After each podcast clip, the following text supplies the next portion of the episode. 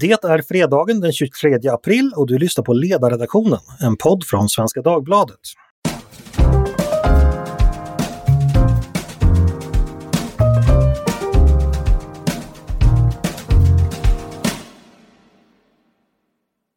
Varmt välkomna ska ni vara. Jag heter Andreas Eriksson. Återigen är det dags för Svenska Dagbladets ledarredaktion att ta sig an veckans få frågor i en liten fredagspanel. Det har som vanligt varit en händelserik vecka och det saknas förstås inte saker att prata om. Med mig har jag eh, Tove Livendal, vår politiska chefredaktör. Välkommen Tove! Tack så mycket! Och givetvis också vicechefen, eller biträdande chefen, Peter Wennblad. Välkommen Peter! Tack ska du ha! Och han som inte är chef alls, men som är en flitig ledarskribent ändå, Mattias Svensson. Välkommen Mattias! Hej! Jag har två chefer. Jaha. Kommer du själv att bli chef någon gång tror du? Det hoppas jag undvika. Det låter bra. Jag tänkte börja direkt med veckans ämnen och någonting det har pratats om eh, väldigt mycket under veckan har varit eh, våld mot kvinnor som har då eh, uppkommit och uppmärksammats efter en serie allvarliga våldsbrott och kvinnor har blivit utsatta för dödligt våld, inte mindre än fem stycken under en tre veckors period. Vilket har fått tidningarna att skriva och politikerna att göra utspel. En av de som har gjort utspel är Centerns ledare Annie Lööf som eh, skrev på sociala medier om att det är dags för krafttag mot detta. Eh, och det fick vår eh, politiska chefredaktör Tove Livendal att börja fundera lite kring relationen mellan politik och media och vad det är egentligen som uppmärksammas. Eh, Tove, du skrev en text tidigare i veckan om detta. Kan du berätta lite, vad handlade den om och vad, hur tänkte du kring den? Ja, dels så tänker jag att eh, enligt kvinnojourerna så är det ett dussin kvinnor som varje år liksom tas av daga som en effekt av destruktiva relationer. Och eh, det är ju inte så att det inte har passerat obemärkt. Vi har pratat om den här frågan i många år, i många decennier. Eh, gick tillbaka och hittade en artikel från eh, Brå, eller en rapport från Brå som skrevs eh, för 20 år sedan och redan då talade man om att man hade hållit på att prata om den här frågan väldigt länge. Så det är inte så att det saknas eh, insikt om problemen, men eh, sen är det ju så att när då plötsligt den här statistiken klumpar ihop sig så att det blir då ett, ett stort antal på kort tid, då blir det en, en medial uppmärksamhet och eh, saker och ting blir synliga som kanske annars bara tickar på. Och då, då kommer alla politiker fram och som liksom, på beställning så lägger de fram skarpa förslag. förslag. Och då handlar det i det här fallet också om förslag som de har röstat nej till i riksdagen de senaste åren. Ja, just det. Du har uppmärksammat att Annie Lööf, eller Centerpartiet just hade röstat nej till ett förslag om just skärpta straff i det här fallet. Eh, vad var det för någonting? Jo, nej, men det finns flera förslag och Moderaterna har ju jobbat, får man säga, eh, med de här frågorna de senaste åren. Och för, det handlar ju både om förslaget om det här med elektrisk eh, fotboja, men också straffskärpningar. Det är två av de förslag som har varit uppe för diskussion och omröstning i riksdagen. Och där är ju flera av de partier som nu är ute och lägger fram sådana egna förslag, de har då röstat ner andra partiers snarlika förslag de senaste åren. Och det är ju, jag, jag fick då en invändning på Twitter ifrån, jag tror att det var Centerpartiets pressekreterare som sa att så här gör partier ganska ofta. Och det är ju sant och det är ett ofog. Jag tänker att det skulle vara mycket bättre om partierna i riksdagen la den där prestigen åt sidan och istället röstade på förslag vars sakinnehåll man delar utan att bry sig så mycket om vem som har lagt fram dem. Mm, just det. Men eh, vad som ofta sker är väl lite kanske det här katten på råttan, råttan på repet. Någonting uppmärksammas i media och så känner politikerna att nu är det dags för oss att agera. Men kan det här tvärtom kanske vara kontraproduktivt, att saker blossar upp som irrbloss och sen så dras uppmärksamheten någon annanstans och sen så har man så att säga förlorat möjligheten att göra någonting åt det. Finns det en sån risk tror du? Tror jag? Ja absolut gör det ju det och det handlar ju om det här samspelet att att vi i medierna, om man får uttrycka sig så generellt, varje dag vill ha någonting att skriva om och helst inte tugga om samma saker, utan det, det är, liksom, det, det, är drivet av en känsla av att det ska vara någonting nytt. Och det gör ju att sådana här frågor presenteras som nyheter fastän de inte är nya. Och det, så det finns någonting i det här samhällsspelet som blir en, en, ett gemensamt förslåtligt eh, beteende skulle jag säga, eller presentation av hur verkligheten ser ut. Och det gör ju också att eh, dels så har vi fått en kortsiktighet. Jag tror att alltså medierna och politiken har alltid speglat varandra. Och det finns ett ömsesidigt beroende. Men det som har hänt är att medan politiken alltjämt ju tar sin tid på sig och det är ju bra när det handlar om lagstiftning och sådana saker, så har medierna ju kommit in i ett, en tempohöjning tack vare digitaliseringen som gör att det är 24-7. Liksom, eh, att vänta på vad som möjligen ska stå i morgondagens tryckta tidning är inte ett alternativ, utan du ska ha en direkt uppdatering. Och när medierna har snurrat upp takten så är det många politiker som dansar med i det och inte, eh, ja, det, det, finns en, det finns en eh, flyktighet och en, eh, eh en stressighet eh, som där medierna har gått före och drivit med sig politiken. Och det gör ju också då att den går lika, precis som du är inne på, det går lika fort vidare till nästa fråga. Kan vi göra någonting åt det här eller är det bara acceptera att det är så här logiken ser ut? Vad tror ni? Eh, jag tror att man, man på ett sätt får man acceptera läget, men det innebär inte att man behöver ta det dåliga från båda systemen, utan då skulle man kanske kunna tänka sig att eh, ett djärvt förslag vore ju då att man hittar en annan ordning i riksdagen där man inte ägnar sig så mycket åt positionerande utan faktiskt just då röstar på saker man tycker är riktiga så att man inte behöver vänta till nästa gång det kommer en stor medieuppmärksamhet för att gå vidare i frågan. Peter, vad tänker du om det Tove säger just det här kring hur politiken följer en medialogik eller att politik och media samspelar i en logik som skapar en viss hattighet där man hoppar från ämne till ämne. Eh, det är väl varken nytt eller någonting, det är inget vi avslöjar nu så att säga, men det, hur stort problem är det och kan vi göra någonting åt det? Jag delar ju stort den uppfattningen, men jag skulle nog ändå säga att det finns ju väldigt, en väldigt stor del av eh, politiken, många stora politiska processer som pågår helt i medial skugga. Alltså stora utredningar, stora förändringsprocesser som är komplexa, svåra ämnen, inte finns liksom ingen inga tydliga, det är inte så tydligt vem det är som påverkas eller drabbas som det heter på, på mediesvenska. Där liksom det kan genomföras stora politiska förändringar som möjligen liksom genererar en, en notis. Liksom. Så att jag skulle nog säga att eh, visst, politiken Eh, den dansar till viss del efter mediernas eh, pipa, men det är väldigt mycket som pågår som vi i medierna inte ens eh, känner till och där vi ofta reagerar alldeles för sent. Alltså att vi plockar upp politiska frågor på dagordningen när de i praktiken redan är, är, är avgjorda. Att det finns liksom helt, helt olika tids perspektiv. Alltså man, man syn Visst, medierna och eh, politiken synkar inte riktigt. Det där låter ju inte riktigt bra på ett sätt, för tanken är ju att media ska finnas med hela tiden i politiska beslutsprocesser och granska och utkräva ansvar. Men du säger att det sker saker mer eller mindre lite bortglömt sådär. Eh, finns det någonting man kan göra åt det? Eller är det helt enkelt att vi i medierna bör bli bättre på att försöka höra oss för vad som, vad som sker? En bra fråga. Alltså jag vet faktiskt inte om det, om det går att göra så mycket åt det. Och det är så, det är så mycket som pågår i politiken att det, det ryms liksom inte. Därför blir det det mest brännande som, som tar plats i, eh, i spalterna. Liksom.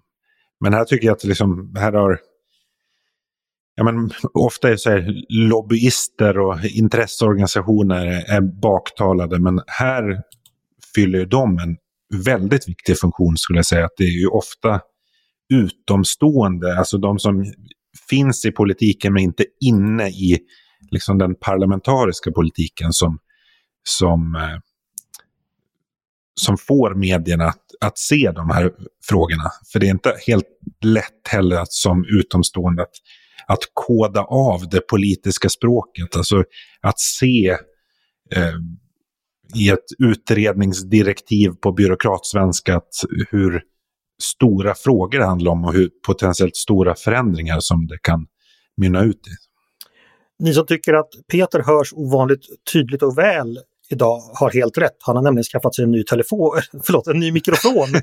en ny mikrofon, ja. Mikrofon ska sägas, eh, äntligen. Så att från och med nu kommer vi kunna njuta av hans stämma nästan som den är in till oss själva. Mattias, jag tänkte fråga dig, du har ju vissa så ska vi säga, specialfrågor som du följer, exempelvis det har ju varit eh, alkohol, folkhälsa, EU i viss mån, miljöfrågor. Känner du igen det här som Peter beskriver att det kan ske ganska mycket saker där ute i skymundan som inte alls blir några rubriker men det kommer påverka vårt liv framöver ganska mycket? Oh ja, eh, det pågår ju hela tiden. Sen är det ju också så att eh, det här det är ju alltid fel tid att ta upp debatten. Eh, särskilt om du har kritiska synpunkter. För kritiserar du ett, ett utredningsförslag eller så kallade testballonger som, som kastas upp så är, det ju, så är ju frågan för tidigt väckt och det är absolut inte läge att diskutera det här nu. Och det kommer förstås absolut inte att bli som du hävdar att det ska bli och liknande. Och sen när det kommer fram till färdiga förslag så, så kommer det tvärtom att nej, nej, varför kommer du nu och tar upp det här? Därför att nu, eh, nu är det ju alldeles för sent i processen och du skulle ju ha kastat in det här från början. Eh, eh, och utöver sånt eh, Eh, eh, fulspel och trixande så, eh, så är det ju förstås, alltså det är långa beredningar och sådär. Det, det har också bäring på eh, vad det är för förslag man har röstat ja och nej till som ju nu har blivit pingpongboll i, i den senaste veckans debatt. Är det, är det liksom enskilda partimotioner eller till och med enskilda riksdagsledamöters motioner så röstar man vanligtvis nej till dem, inklusive partierna i, i enskilda motioner-fallet av en anledning, nämligen att förslagen inte är beredda alls enligt det här. Det, det handlar ju inte bara om strategi utan också om att se till att hänger det här ihop lagstiftningsmässigt? Vilka, vilka aspekter har man inte tänkt på? Att, att ta ett djupt andetag eh, och, och se till makt utövas ju under lagarna och ska göra det också. Det ska vara en, en trög process med många kontrollstationer och, eh, och det är lite av meningen. Så, eh, så den, den aspekten ska man också ha med sig, att det, det finns en tröghet som ska finnas där i politiskt beslutsfattande. Ska jag återvända till dig Tove som då var började den här diskussionen. Ditt perspektiv det här med eh, media och polit politik i en viss offentlig dans kompletteras här med en bild av att det sker på ett helt annat plan, sker det saker där den här dansen inte alls är viktig utan då är det andra logiker som, som bestämmer. Eh, är det en bild du känner igen eller hur, hur ska vi förstå det här? Liksom? Alltså att medierna borrar bara på vissa ställen, offentligheten skickar bara sitt ljus till vissa områden inom politiken medan andra kan fortgå utan så mycket inblandning. Eller ja, hur det, tänker du? Jo, men så är det precis. Men det är ju, tycker jag, en följd av att medierna har fått för mycket i min då smakmakt över politiken. Eh, när Anders Björk lämnade riksdagen efter jättemånga decennier, då skrev han en DN Debatt där han eh, förklarade vad som hade hänt med riksdagen som plattform under den tiden han har varit verksam. Och skillnaden då, vilket inte är liten, det är ju att riksdagen när han började hade varit startpunkten för politiska processer. Man kom till kammaren, berättade om förslag, gjorde utspel. Och idag gör man ju bara det i medierna, så medierna har fått bli startpunkt för de politiska processerna där de här testballongerna som Mattias talar om skickas upp. Och det är ju att ge medierna väldigt mycket makt, att man, man, man som den politiska processen, startpunkten för diskussionerna, initieras i medierna. Och medierna de vill underhålla. De vill sälja lösnummer och de vill ha tittare och lyssnare och kommer följaktligen att välja utifrån ett sådant sätt som gagnar den affären, även om det är public service de har också en affär som de ska rola med tittarsiffror och sådär. Och det gör ju att vissa frågor som då är, är mer attraktiva eller underhållande, mer spetsiga, eh, kanske mer konfliktfyllda, mindre komplexa, de kommer att prioriteras till förmån för andra. Och sen är det ju också, vilket vi alla vet som har blivit kastade till olika diskussioner, så är ju inte diskussionerna till för att just visa komplexiteten, det svåra att avväga, utan man ska ha underhållningsvåld. Den som är mest tydligt för och den som är mest tydligt mot ska stå och slå på varandra. Och eh, jag har själv varit med om att eh, ifrågasätta ibland liksom själva hur man har gestaltat konflikten och då få till svar att jo, det är ju intressant med, med nyanser, men vi hinner inte riktigt med det, det här inslaget. Så att jag tycker att det är problematiskt att eh, politiken så mycket, eh, att, att medierna får gestalta den politiska komplexiteten och det är väl kanske också ett skäl till att många av de här svåra målkonflikterna som politiken har hanterat inte har gjorts en tjänst av att silas genom medierna. Det har inte tillåtits nyanser. Men det har blivit bröd och skådespel. En... Ja, förlåt Mattias, vad skulle du säga? Ja, det, det, är en genuint svår process. Jag, jag försökte ju följa ett EU-direktiv för några år sedan just för att jag hade tid på mig och ett uppdrag att göra det och det var banne mig inte lätt. Eh, ens, ens för någon som har eh, ett, eh, en försvarlig mängd poäng statsvetenskap, har jobbat i riksdagen och eh, med, med eh, journalistik och skrivande så, så var det väldigt svårt att, att få pejl på var, bes, var ett beslut låg och, och bara den rent, den rent praktiska gången. Och ännu mer, alltså jag hamnade ju helt bet i frågan vilka det var, varifrån förslagen kom, vilka som hade väckt det och, och sånt där. Du blev bortfintad helt enkelt? Ja, ja, ja. Och, och det, kan, det kan ju vara poängen, men det kan också ligga i, i sakens natur när, när eh, alltså maktdelningens och eh, och liksom det delade politiska ansvarets natur gör ju också att det blir svårt. Det kan utnyttjas förstås, men det kan också vara själva poängen. Men det är lite som att kolla bandy på tv ibland. Alltså bollen försvinner ganska lätt alltså, för det går så fort. Ja, det är en väldigt bra liknelse. Ja, du får eh, ta bandyportföljen. Precis. Eh, vill man hålla koll på bollen just när det gäller den här frågan vi började prata om, nämligen våld mot kvinnor, så hade vi en podd tidigare i veckan, ska sägas, då kriminologen Manne Gerell och polisen Fredrik Kärrholm diskuterade detta, så där får man reda på mer om det. Eh, vi ska gå vidare och prata någonting vi också gjort podd om i veckan, men som blev en stor nyhet tisdags tror jag det var. Eh, det är nämligen det att regeringen har bestämt sig för att utreda en nedläggning av Bromma flygplats. Eh, senaste turen är en fråga som har pågått i bortåt 40 år tror jag. Eh, och det skrev du en text om Peter, dels som eh, ledarskribent men också som flitig pendlare, flygpendlare till Stockholm. Eh, vad tänker du? Blir du lika upprörd som andra moderater över att man vill lägga ner Bromma? Nej. Jag tycker att eh, försvaret för Bromma flygplats är lite reflexmässigt. Eh, alltså det, det viktiga med Bromma flygplats är den funktion som Bromma flygplats fyller för resten av, av landet. Alltså Bromma flygplats placering och kommunikationerna till och från eh, Bromma gör ju att Stockholm kommer närmare eh, resten av landet än, än vad Arlanda är. Eh, men jag ser inte att, att det är Alltså den funktionen tror jag går att eh, åstadkomma även på Arlanda om man, eh, om man bygger ut Arlanda och gör en del eh, andra åtgärder runt omkring. Liksom. Eh, så att eh, jag tycker att det, det, blir lite för, för enkel och reflexmässig reaktion att bara säga nej till nedläggningen av Bromma. Men jag tänker väl att det, alltså det är ju som Peter säger, det viktiga är ju funktionen. Eh, och nu är det väl eh, så tydligt att det här, Miljöpartiet har drivit fram det här av, av sina skäl. De vill ju att folk ska flyga mindre. Och vi som inte vill begränsa människors rörlighet är ju säga att ja, gör det som är smidigast och smartast, men inte så att det begränsar människors rörlighet. Det måste ändå vara det överordnade syftet med en flygplats. Och det här, det här är ju svårt. Alltså, politik är ju både sak och syfte. Alltså, det är klart att det spelar roll att det är Miljöpartiet som har drivit igenom den här förändringen. Och det var lite poängen i min, min ledare, att det här är uh, kanske ett klokt beslut, men med ett, med ett oklokt motiv. Precis som Tove säger, Miljöpartiets motiv är att liksom strypa möjligheterna att flyga. Så att det återstår ju att se liksom vad, vad det bakomliggande motivet får för betydelse eh, i det praktiska genomförandet. Förhoppningsvis får det då ingen betydelse alls, men det kanske är en from förhoppning. Frågan är hur det är med det, för jag ledde ju en podd igår med eh, bland annat då trafikborgarrådet Stockholm, Heldén, som då är miljöpartist av den typen som gärna samarbetar med Alliansen.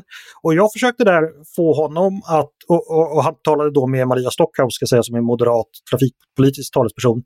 Jag försökte då få dem att medge, eller framförallt han att medge att det handlar om olika syner på mobilitet och på flygande generellt. Men den bilden köpte ju inte alls han, utan han ansåg ju att flyga kommer vi göra i framtiden också, men att det här var för att rädda inrikesflyget så behövde det flytta till Arlanda. Så att inte alla miljöpartister verkar vilja köpa den bilden så att säga. Det finns ju olika typer, typer här. Eh, Mattias, vad tänker du? Eh, Brommafrågan, är det någonting som du har några tankar om? Eh, inte mycket, jag bor ju här. så det är mest när jag flyger till Gotland eh, som det, alltså det, be, det bekväma är ju att man kan cykla dit. Det, det kan vara rätt eh, trevligt. Men jag tänker också mer eh, generellt att när nu är det bara på idéstadiet eller prototypstadiet, så det är ett par år bort, men det diskuteras ju och en möjlighet i framtiden är ju eh, flyg med e-, eldrivet flyg som man trodde var helt hopplöst eh, för, för bara några år sedan, men som nu genom att batterier blir mindre och mindre börjar bli eh, tänkbart eh, och är ett av de här genombrotten vi lite grann går och väntar på nu. Det gör ju att, eh, att vi kommer att få en betydelse för flygtrafiken också inom ramen för, för betydligt färre växthusgasutsläpp. Eh, och då eh, öppnar, öppnar ju det möjligheten för just stadsnära flygplatser där, där eftersom sådana flyg inte kommer att bullra lika mycket så har de ju en annan fördel. Jag vet inte om det talar för eller emot eh, Bromma. Läget är ju bra, men det kanske är en helt annan infrastruktur som, som behöver byggas kring det. Och elflyget är ju kanske en tid bort också, så man kanske hinner bygga det som behövs när det väl är här, så att säga. Eh, vi kanske inte exakt vet exakt vad, vad, vilken infrastruktur som kommer behövas heller. Eh, en reflektion jag gjorde bara, jag tänkte bara kolla vad ni tror om det. Eh, Moderaterna såg jag på sociala medier varnade för att den här bostäderna på Bromma, det kommer bli så tätt och det kommer bli påminna om en asiatisk storstad och sådär. För bara tio år sedan så, där, så var det ofta Moderaterna som talade om att man skulle bygga bostäder och bygga ihop stan och det var bra med nytt. Medan det var miljöpartisterna som då ofta var förtätningsmotståndare och så vidare. Håller vi eventuellt på se ett skifte här då Moderaterna intar en ny roll i relationen till hur våra städer utvecklats och att Miljöpartiet mm, intar den motsatta rollen? Är det en spaning ni tror på eller tänker någonting om? Jag, jag tror väl att den största risken är att det inte blir några bostäder alls. Eh, så med, med tanke på hur, hur svårt det är att få tillstånd för olika typer av exploaterings eh, projekt och hur många hittills okända eller rödlistade skalbaggar som det går att hitta på, på den här stora ytan så finns det nog åtskilliga hinder innan, innan det byggs något på, på Bromma. Ja, marken lär väl vara ganska behov av sanering i ganska många år. Ja, så det också. Det är det säkert så. Och, men å andra sidan, jag tycker det är lite orättvist på Stockholm därför att det har ändå byggts ganska mycket på tidigare exploaterad och även oexploaterad mark. Jag tänker Årstafältet håller på att bebyggas nu. Eh, I norra Djurgårdsdalen byggs det, Hammarby sjöstad byggs det. Så att Stockholm är inte det är, inte, det är inte helt kört att bygga i Stockholm skulle jag säga. Men, men för att komma tillbaka till vad ska säga, din spaning, så jag tycker den är intressant. Jag har inte tänkt på den, på den själv, men eh, jag tror nog att det ligger någonting i den. Alltså det finns i alla fall en liksom magkänsla hos mig att, att, att eh, moderater börjar bli allt mer om man får kalla det för reaktionära i stadsbyggnadsfrågor. Att det ska liksom vara så småputtrigt och, och trevligt allting. Um, ja, så är det i vissa kommuner. Jag tänker på Mattias, din hemkommun Lidingö är ju kända för att inte vilja bygga så mycket och där styr ju Moderaterna och har väl inte tyckt att exploatering är det mest fantastiska. Nej, och det har fram, framförallt skett, liksom, det skedde ju ett politiskt skifte i Moderaterna där, där liksom folk som ändå kunde tänka sig att det kunde byggas och, och som såg lite grann ekonomiska aspekter i att en, en stad växer, eh, åkte ut till förmån för, för liksom en, en starkare nimbuism. Och, och den, den, den är ju lite dubbel, för det är ju dels det här att att det ska vara vackert enligt ett liksom, eh, estetiskt ideal som förvisso är trevligt, men, men det är ett enda. Eh, och ganska militant, eh, en rörelse som har kommit nu. Det, vad, vad är det heter, neoklassiskt eller något sånt där. Uh, och sen uh, så, så helst inte för mycket. Uh, och, det var väl till och med så att just på Lidingö att Moderaterna, det var liksom deras stora valfråga. Bygg inte. Ja, jo, och, och det är ju en väldigt märklig inställning kan jag tycka på, på liksom när, när man ligger så nära en, en expanderande storstad. Det blir, det blir liksom väldigt märkligt och det är till och med så i Rudboda där jag bor lokalt liksom så, uh, så, så, står det till och med en eh, lokaler och förfaller och ruttnar eh, som den nuvarande ledningen nu har beslutat att de inte får exploateras trots att, att det finns liksom enorm efterfrågan på, på boende där ute. Och det är, ja, det är bara fånigt. Jag kan nämna att jag intervjuade Mattias Karlsson för en annan tidning för något halvår sedan ungefär. Och han pratade rätt mycket då om eh, hur Sverigedemokraterna tänker sig som eh, att bli en politisk uttolkare för den opinion som då motsätter sig nya och fula byggen och för mycket lådor och ja, ni vet hur det brukar låta på sociala medier och så. så att, eh, eventuellt om Moderaterna strävar sig komma närmare Sverigedemokraterna så har man kanske en fråga gemensamt där. Tove, vad tänker du? Moderaterna som konservativa när det gäller stadsbyggnad och stadsutvecklingsfrågor. Är det nu någonting du känner igen eller ser komma? Och vad tycker du i så fall om det? Det har ju varit både och. Moderaterna har ju rymt båda deras. Dels att eh, liksom, på något sätt försöka dra en lans för det som man kan uppfatta som klassiskt vackert och eh, estetiskt, men också varit för liksom, urbanisering och eh, försökt, så de har ju försökt hitta en balans i det och jag tror att det är viktigt att fortsätta göra det.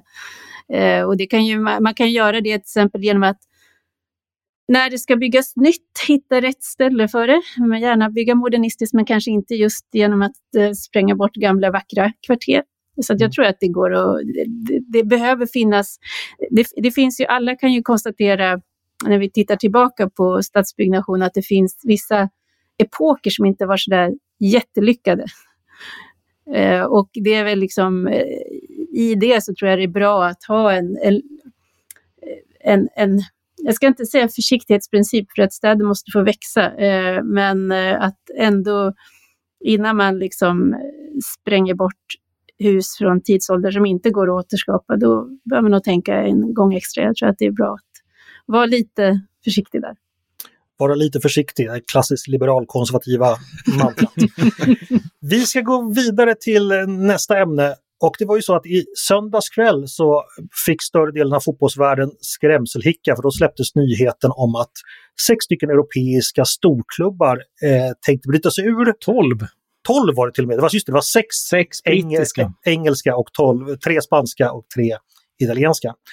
Och bilda en egen liga eh, som då skulle konkurrera med Champions League. Och det här fick dig Mattias, att, eller motståndet mot detta, eh, fick dig att börja fundera kring lite politiska frågor. Eh, berätta! Ja, det, det verkar ju eh, vara var lite av... Det, det, var ju en fantastisk eh, krasch där, liksom. Högstämda ambitioner om att gå ut och bilda en egen eh, superliga då, där, eh, där de inblandade lagen plus några andra skulle vara garanterade en plats varje år 23 år framåt. Det skulle alltså inte bero på var man placerar sig i den nationella ligan som är urvalskriteriet för, för de här europeiska tävlingarna idag. Och, och en anledning till att och, kampen om inte bara första platsen utan också de andra platserna i ligorna är rätt, är rätt spännande därför att de innebär en, en möjlighet att, att kvala in till eller få en plats i de, eh, de europeiska ligorna.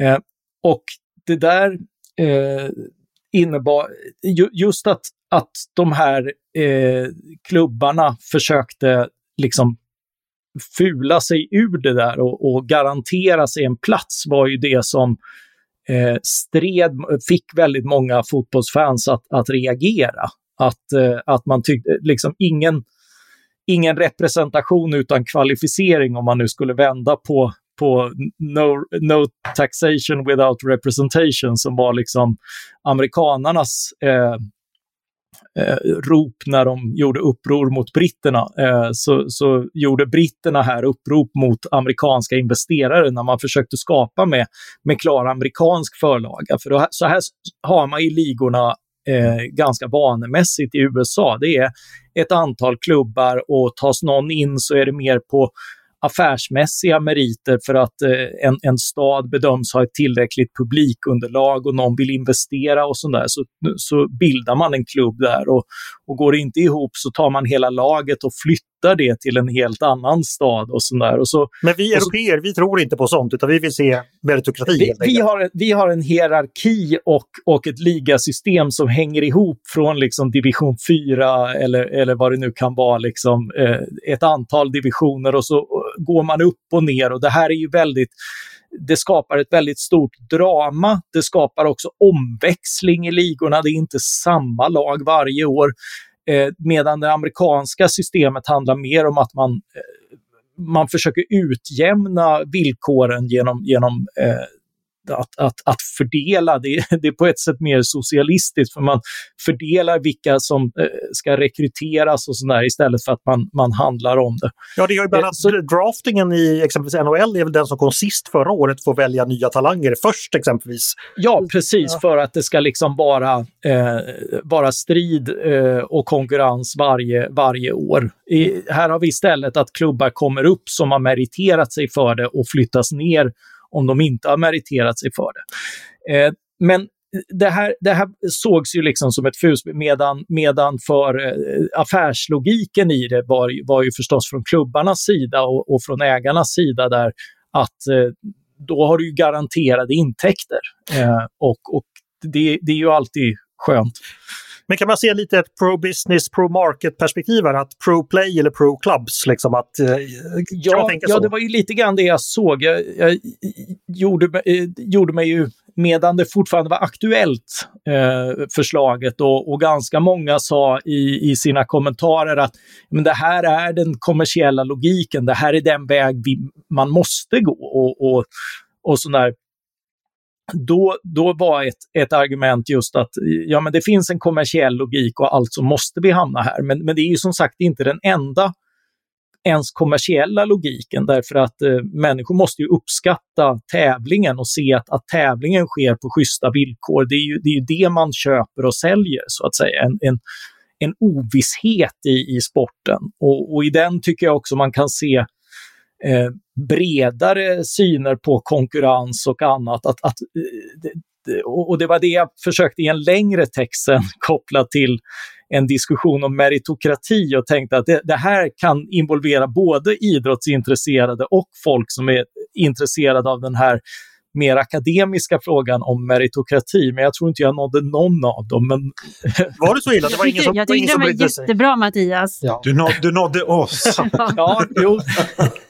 Ja, och den var kul att skriva eh, och den finns ju förstås på internet som inte glömmer. Men jag skrev, jag skrev då två texter. En där jag påminde om Adam Smith, ekonomen och, och eh, också moralfilosofen, som skulle haft invändningar både mot det här att liksom när, när ett gäng företagare eller ar, eh, av, av sam, folk i samma yrke, samma skrå och sånt där överhuvudtaget ses, så sker det sällan ens rekreativt utan att det skapar en konspiration mot allmänheten om att höja priserna eller rigga reglerna. Och det var ju precis vad vi såg här, ett antal klubbar som ville rigga reglerna till sin fördel. Det här var ju en eh, form av kartellbildning. Liksom. Ja, precis. Eh, och eh, och det andra var ju då att eh, det är precis som man har closed shop och sånt där. Du får bara rekrytera fackmedlemmar som är väldigt vanligt i USA. Eh, och eh, eh det där eh, är, är, ju det ena, att det finns både moraliska och politiska och rent kommersiella invändningar mot det där. Och det andra är just den här, vad, vad säger idrottsetiken och sådär, jo den säger ju liksom fair play. Det, det, handlar ju inte bara om fair, att allt ska vara lika och rättvist och, och, och en startlinje och sådär som, eh, som det pratas om, utan också om att även om man har olika förutsättningar, mötas under lika regler och ändå spela om det eh, och se vad som händer. Därför att eh, inom sport så vet vi att det finns en ovisshet, det finns en möjlighet för, för tur, för inspirerade ögonblick, för slump och eh, kamp och det är inte alltid den bästa som vinner enligt förutsättningarna. Så, så det här med meritokrati eh, det diskuteras ju gärna av akademiker som att vi, vi rangordnar utifrån någon teoretisk ordning och, och, och, man bedömer det utifrån hur, hur man har det i akademin. Att, att någon, någon sitter och betygsätter dig och allt du gör och bara på individuell basis och sådär. Eh, och sen får du liksom ett meritvärde och de förstår ofta hela samhället så att, att någon sitter och bestämmer vad du är värd och det är det som lönesättning och annat beror på. Och då förstår man dåligt vad, vad liksom ett fritt samhälles marknadsprocesser handlar om. De är mycket mer lika det här eh, fair play-spelet, att det oväntade händer. Eh, du får one-hit wonders i, i, musiken, inte bara liksom den bästa musikern och, och du får vad folk råkar vilja ha och du får överraskning och spänning och allting. Det, det är ett mycket rikare eh, begrepp än, än bara liksom att, att någon gör en rangordning av, av vad som är bäst och att det skulle vara enkelt att fånga. Jag hör ju att det, det, du har väldigt intressanta tankar så det vore ju skamligt ifall dina texter inte uppmärksammades mer. Så vi får ju verkligen rekommendera dem nu. Jag, jag... Ja, nu har jag pratat så länge så folk skriv, är säkert avtända för det. Nej men alltså, eh, eh, Superligans fall, en seger för den sunda meritokratin och den sunda konkurrensen. Det, det, det är inte alls dumt. Ja, sen ska vi ju samtidigt komma på, alltså jag menar, både Fifa och, eh, och Uefa, de här internationella och europeiska organisationerna som idag organiserar de här tävlingarna, de är ju extremt korrupta organisationer och i fotbollen finns mycket eh, fuffel och båg och amatörskap. Eh, och det vi såg inte minst var ju just den, hur amatörmässiga och out of touch som ledningen för de här klubbarna är, därför att de inte kunde förutse att, att det här förslaget skulle leda till så, så enorma motreaktioner och protester mot de som ändå är kunderna, nämligen supportrarna. Vi har avhandlat Bromma och vi har avhandlat Annie Lööf och vi har avhandlat Superligan. Men det viktigaste som hänt i veckan är naturligtvis ingenting av det, utan det är nyheten som kom igår att Sveriges Television ska spela in en nyinspelning av Saltkråkan, vilket har skakat nationen i sina grundvalar. Alla har haft en åsikt om detta. Eh, alla verkar plötsligt älska de här träningsoverallsklädda barnen som kutar omkring på 60-talsklipper och krakrar åt varandra. Eh, och det har varit allting från att det här är jättedumt till att det är jättesmart. Alla har tankar om det. Frågan är, vad tycker Svenska Dagbladets ledarsida? Tove, vad är vår linje? Är vi för eller emot nya Saltkråkan? ja, men eh, jag är ju för att man eh, nyskapar och, eh, och nytolkar, absolut. Och sen av, av allt tokigt public service ägnar sig åt så är väl det här något av det mindre tokiga, tänker jag. Ja. Så att jag, jag är positiv. Sen tycker jag det var en fantastisk idé som som Claes Eklund lanserade på Twitter. Det var nämligen hans pappa som spelade Nisse, som var Tjorvens pappa. Och då tyckte han att han försökte kasta in sig själv som i den nya omgången och det tycker jag fäller avgörandet för min del. Alltså ekonomen Claes Eklund? Ja, visst. Fantastiskt. Alltså vilken släkt alltså. Från Nisse Granqvist till honom och, och vidare till hans son. Liksom. Det är helt fantastiskt. Ja, han har ju också nu, en filmkarriär. Nu fick du ny kunskap att lägga till till ditt digra bibliotek, Andreas. Mattias, vad säger du? Vem identifierar du dig med i Saltkråkan? Ja, det är ju förstås fadersfiguren och, och författaren med tummen mitt i handen, farbror Melker, som, eh, som, som blir, blir den. Eh, jag är eh, förvisso inte lika eh, påhittig, men, eh, men eh, jag, jag har väl ungefär samma förmåga, men jag har kanske större insikt om, om dess begränsningar. Just det. Eh, jag tänkte vi bara skulle kort göra, eh, det finns ju en del politiska kopplingar mellan Astrid Lindgrens författarskap och filmatiseringarna. Bland annat så var det ju så att eh, ja, Malin i Saltkråkan, Louise Edling Friberg, hon blev ju senare lokalpolitiker och även rikspolitiker för Liberalerna. och en förtjusande kulturpolitiker. Det är väl en folkpartist som inte ens du kan ha någonting emot, Mattias? Nej, absolut inte. Vem, vem var inte förälskad i Malin oavsett ålder? Fast, fast, du avslöjar ju faktiskt, eh, nu ber jag ursäkta om jag outar dig, men på vårt morgonmöte idag så avslöjar du att du numera ser Pippi med andra ögon. Och nu, nu, nu citerar jag dig, men eh, citat, först nu fattar man hur het Prussiluskan var. Kan du kommentera detta på något sätt?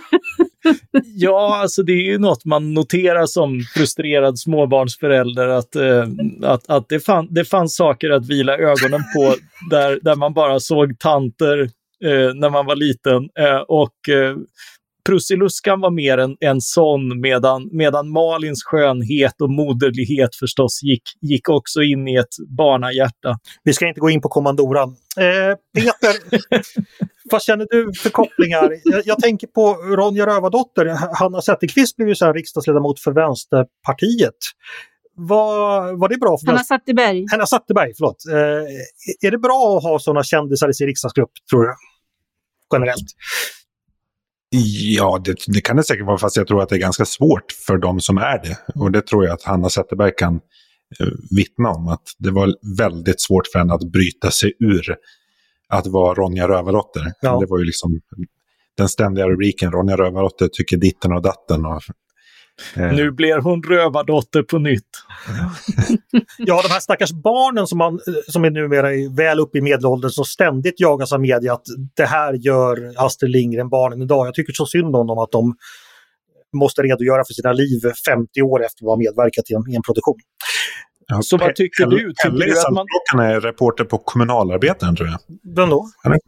Pelle i Saltkråkan. Ja, ja, just det, ja, men eh, just det. Eh, veckans rundfråga det var ju då att om ni utifrån ett så att säga ledarskribentperspektiv ska ni få välja en person som är, eller eh, en figur som är er favorit ur Astrid Lindgrens digra galleri.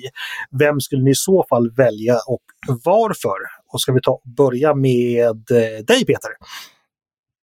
Som ledarskribent, jag tänkte ju mer personligen. Och du får ta personligt också. Ja, alltså man vill ju som en frihetlig ledarskribent gärna säga Ronja eller Emil eller någon av alla de här figurerna. Men, men om jag verkligen ska, ska gå in i min egen själ så är jag nog tyvärr mest lik ja, antingen Tommy i Pippi eller, eller, eller Båtsman. ja, men det är väl fint. Det finns en trofasthet här, det finns någon stabilitet känner jag, liksom, och något lugn i själen på, på sätt och vis. Eller något... En, bla en blandning av en liksom, trött hund och mammas pojke.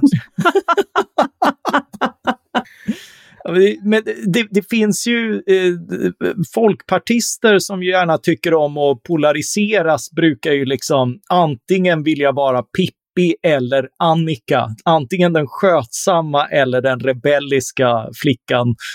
Eh, och eh, det, det, var väl kul att Tommy fick ett ansikte där också. ja. Han är lite underskattad i liksom det offentliga stödet skulle jag säga, liksom, hur man har sett. Ja, men, eh, du då Tove, eh, finns, finns det någon som, figur som du gärna skulle vilja lyfta fram som, som förebild eller någon du identifierar dig med? Ja, men eh, det gör det ju. Det är nog båda, båda delarna. Det är ju faktiskt Kajsa Kavat Ah, eh, intressant val. Mm. hjälper mormor och eh, det, är, det är liksom en slags civilsamhällesideal tycker jag, att man oavsett ålder kan göra en insats både för sig själv och andra. Hon gör ju goda saker för att hon tycker att det är kul och för att hon vill göra en insats. Och sen eh, så Eh, hon har ju en dröm där också om en docka, det blir ju en slags belöning där, men hon gör, hon gör sakerna oegennyttigt, eh, med an, inte annan utfästelse till belöning än att det får henne att må bra. Och jag tror att det där är en slags, eh, det är ett bra ideal att ha och ehm, Ja, så ja, jag tycker att det, det, Kajsa Gavat är någonting att sträva efter. Är... Hon är inte lika präktig som Annika heller, hon är inte lika rädd. Liksom. Men, men du är lite Kajsa Kavat också tycker du, eller själv? Jag är väldigt förtjust i karameller. Ja. Och du är ganska kavat, får man väl säga. Ja, man får försöka. Ja. ja. Mattias då slutligen, är det Bork, Birk Borkason som gäller för dig? Eller vem? Nej, men honom har man ju väldigt svårt för. Sen, det finns säkert de som har väldigt svårt för mig också, gärna, gärna placera mig där. Men jag, jag tänker väl, och, och, ska man följa Peter så önskar man ju att, att man var liksom eh, Lejonhjärta, Jonathan Lejonhjärta och så är man Skorpan liksom, som i alla fall får hänga med på äventyren. Eh, men jag, jag, har nog alltid liksom fastnat mer för, för vuxenrollerna i det här faktiskt. Att eh, det finns liksom, eh, jag, jag pendlar mellan liksom farbror Melkers ändå godmodiga hanterande av, av små vardagskatastrofer och, och liksom eh, Eh, Eh, eh, Ronjas pappa, särskilt i filmversionen, det här liksom eh, maniska omsorgen om det här lilla barnet som tar sig uttryck i liksom humörsvängningar och allt annat och, mest, och att man liksom det, man är betydligt värre, så man låter betydligt värre än man faktiskt lever upp till. Och båda de, båda de delarna har man väl både som vuxen och kände väl lite grann då också. Så, så det, det, tycker jag är ganska eh, fina ideal ändå. Det finns ju gott om starka och inliga fadersporträtt i Astrid Lindgrens författarskap, det kan man ju lugnt säga. Ja, mm. men också modersporträtt. Det tycker jag att Lovis är ju en rätt cool mamma liksom. Ja, ja, det är henne. det är ingen som, eh, som domderar med henne, i alla fall inte ostraffat. Utan, och det är väl, ja, jo, det, det är väl rätt fångande. Man, man, det är rätt bra kvinnoporträtt. Ja, men vad bra. Då tror jag faktiskt vi är färdiga för idag. Eh, vi ska ta och, eh, eller jag ska säga, eller just det, får jag välja en figur också? Ja, Absolut. gör det. Jag tar någon av de där anonyma tolv rövarna. Eh, Sturkas eller Lillklippen. Ricky Bruch. Ja, vet ni att eh, illustratören då, eh, som eh, Ilon Wikland som, som eh, gjorde illustrationerna till Ronja, hon hittade förebilderna utanför ett lokalt systembolag. Där hon valde ut dem och så blev de de tolv rövarna. Faktiskt. Eh, ja, bara som extra information. Hörni, stort tack för att ni ville vara med idag. Tack själv. Tack. Och tack, tack. alla ni som lyssnat. Eh, vill ni höra av er till oss om eh, vad jag pratat om idag, kanske om era personliga Astrid Lindgren-favoriter, så är det bara att mejla till ledarsidan snabel eh, svd.se. Därmed säger vi tack för idag. Producent har varit Jesper Sandström och själv heter jag Andreas Eriksson. Jag hoppas att vi hörs igen snart.